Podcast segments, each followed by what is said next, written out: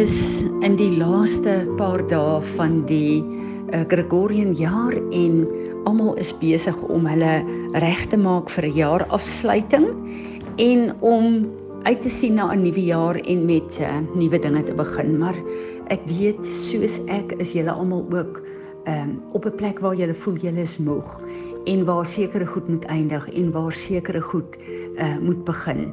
Ehm um, asof 'n jaar of 'n dag ehm um, vir ons nuwe moed en 'n uh, nuwe krag gaan gee. So hierdie afgelope tyd was dit nogal regtig waar vir my baie baie moeilik en ehm um, uh, is ek in sekere plekke in konstante uh oorlogvoering.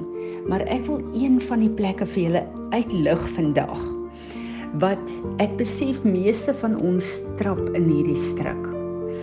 En ek wil vandag spesifiek kyk na na die woord in 2 Korintiërs uh 2 vers 11, maar ek gaan bietjie vroeër begin waar Paulus uh vir met ons praat en sê moenie don't be ignorant of the schemes of the enemy. So daar's baie van die plekke waar ek en jy so stryd en 'n gesukkel het, dan dink ons baie keer dit is onsself. Maar dit is nie onsself nie, dis die vyand eintlik wat besig is met ons en ons herken dit nie. En ek weet dat hierdie is 'n plek waar ons in oorlogvoering moet staan en waar ons saam met die Here moet beklei om deur te breek in die volgende seisoen in.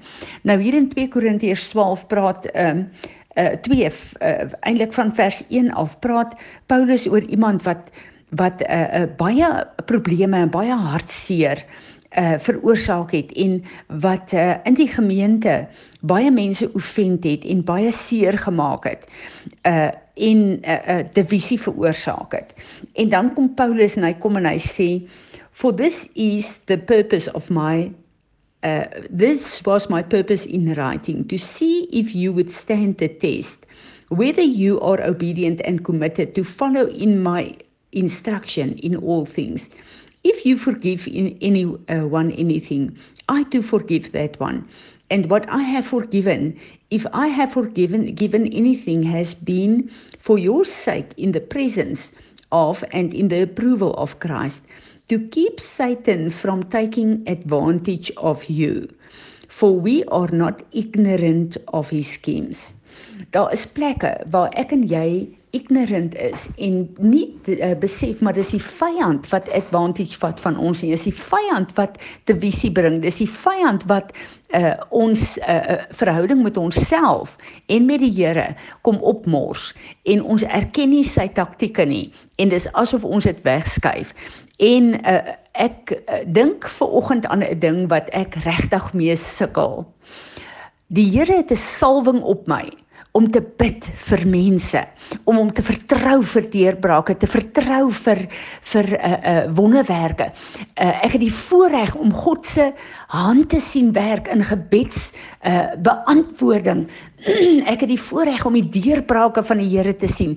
Ek die salwing waarmee die Here my laat bedien in 'n uh, eh, uh, bid, uh, verstom my gewoonlik so, want ek weet elke woord wat ek bid kom uit sy hart uit en ek weet dat soos wat ek bid, sy hand skuif, gee hy sy engele opdrag om die antwoorde in vervulling te bring.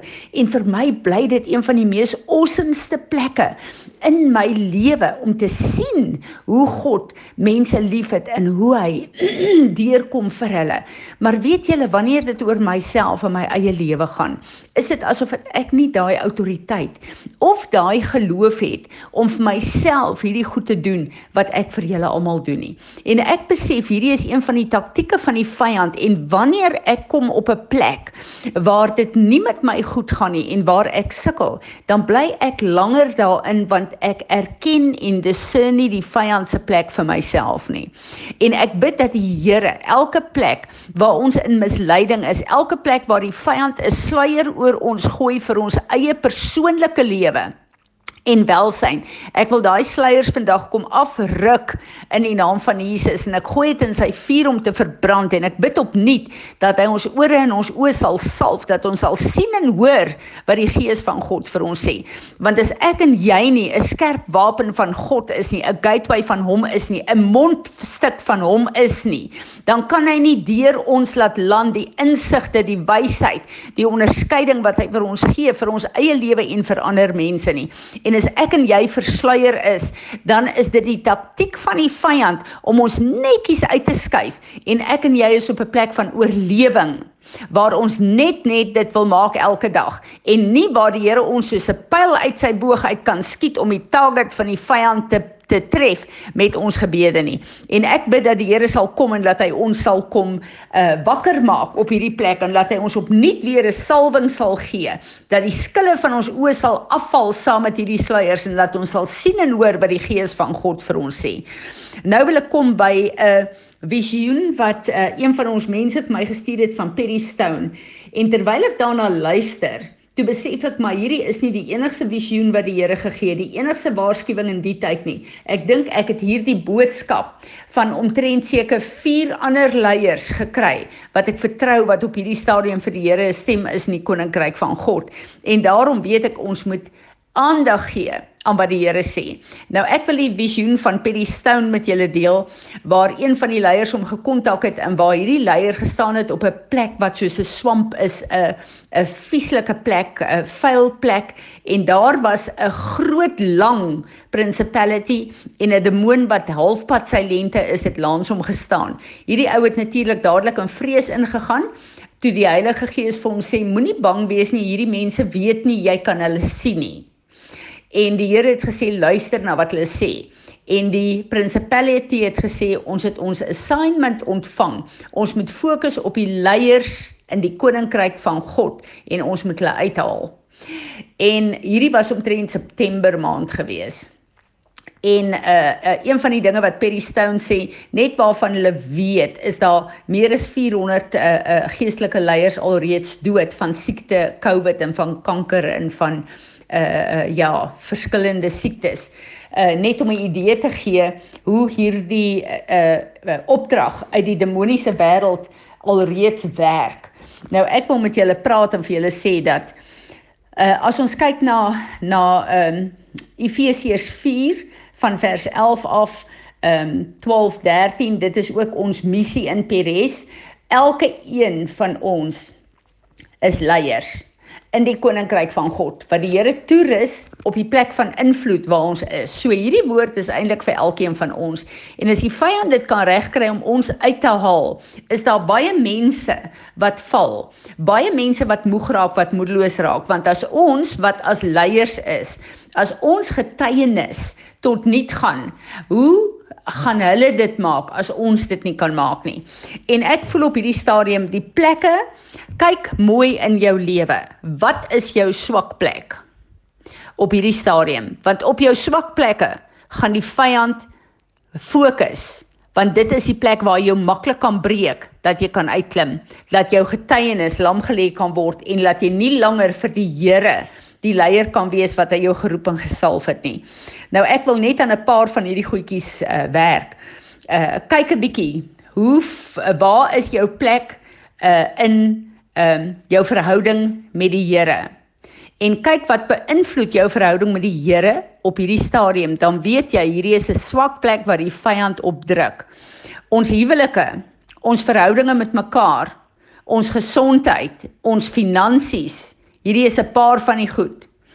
Kyk hoe lyk die orde in jou huishouding? Want onthou jou huishouding is veronderstel om jou veilige plek te wees. Wat is daar op hierdie stadium wat jou uh uh atmosfeer in jou huis sleg beïnvloed? Dan weet jy waar's die vyand besig om te werk. Want die Here het bedoel dat ons huisgesinne die plek van veiligheid moet wees, dat ons huisgesinne en ons verhouding in ons huis die sterk plekke moet wees wat vir ons bekragtig en wat ons autoriteit daar stel om die autoriteit wat Jesus Christus vir my en jou gegee het te laat deurvloei na die koninkryk van God en na die wêreld toe. En ek en jy moet besef dat heel eerste kyk jy, as jy kyk na 'n land en 'n nasie, dan kyk jy na wat aangaan in daai land en nasie. As ons kyk na Suid-Afrika, dan kyk ons na die korrupsie, ons kyk na die witchcraft, ons kyk na die totale verwarring en confusion in hierdie land. En ons weet dat die burgers in Suid-Afrika voel nie veilig nie. Omdat die regering nie 'n goddelike regering is nie. God se eerste plek van regering is jou eie huis en jou eie huishouding. Wat is besig om daar aan te gaan? Kyk die swak plekke, die plekke waar die vyand deurkom en humble jouself. Moenie wag vir jou maat nie. Humble jouself. En uh uh voor die Here en gryp die Here vas en maak reg wat moet reggemaak word. Repent waar repent moet word. As dit nodig is, gaan in 'n vas in, maar sorg dat elke deur en elke hek wat die vyand oopmaak om deur te kom dat hierdie goed toegemaak word in die naam van Jesus.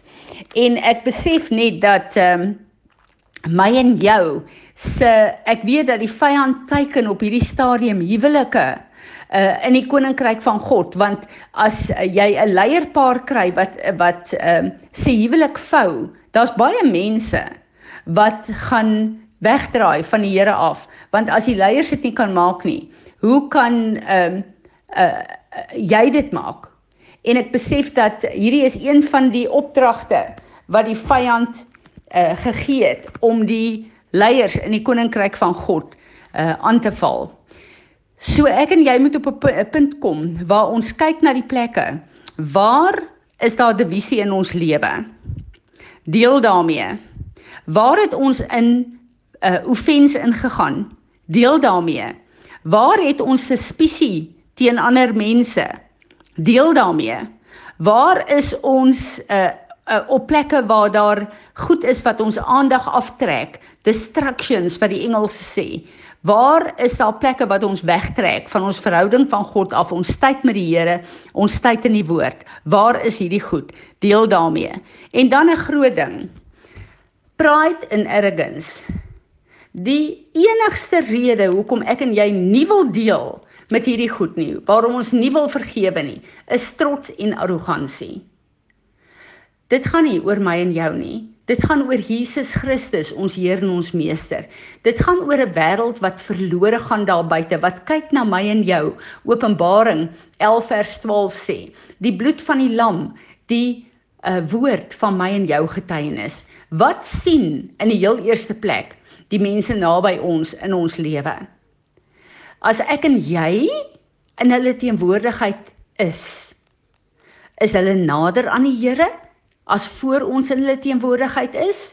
Of ons wat ons doen en sê, wat ons dra, druk dit hulle verder weg van die koninkryk van God af?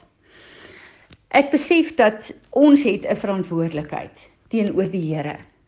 Ons het 'n verantwoordelikheid teenoor Jesus. Ons het 'n verantwoordelikheid teenoor 'n wêreld wat verlore gaan. Mag die Here ons help dat ons die uh planne van die vyand sal onderskei, dat ons nie in sy strikke sal trap nie, maar dat ons sal bly staan in oorwinning. Efesiërs 6 sê, wanneer die volle wapenrusting vir ons gegee het, bly staan. Nie gaan sit nie, nie gaan rus nie, Ek en jy moet bly staan sodat dit wat God vir ons gegee het op plek is in ons lewe, sodat die pile van die vyand op die grond sal val en ons nie sal tref nie. Bid asseblief vir my en my huis. Ek bid vir julle. Vader, ek wil kom en ek wil myself voor U kom humble. Ek wil kom vergifnis vra, Vader, vir trots en arrogansie. Die plek waar ons net ons wil 'n bietjie wil laat geskied, waar ons net ander mense bietjie wil wys, waar ons net reg wil wees en waar ons net die oortuiging en die opinies van wat reg en verkeerd is vir ander mense wil leer en wil wys. Vader, vergewe ons asseblief, vergewe my. Dis trots en arrogansie. Ek wil by U pleit, Here, kom breek af wat ek gebou het, wat ons gebou het wat nie van U af is nie. Asseblief, Here, al hierdie divisie, al hierdie uh, pride, al hierdie arrogance, arrogance wat wat in ons lewe is, asseblief vergewe ons, breek af wat ons gebou het met verkeerde boumateriaal. En Here, kom salf ons opnuut asseblief. Ons wil in die karakter van Jesus Christus hierdie wêreld 'n hoop en 'n 'n 'n verwagting gee, Here. Ons kan dit nie uit onsself uit doen nie. Kom help ons, kom salf ons. En ek bid dat U naam verheerlik sal word, Here, in en deur ons lewe en dat die pile van die vyand uitgedof sal word, uh soos wat hulle die uh, skuld van geloof in ons lewens tref. Word verheerlik. Amen.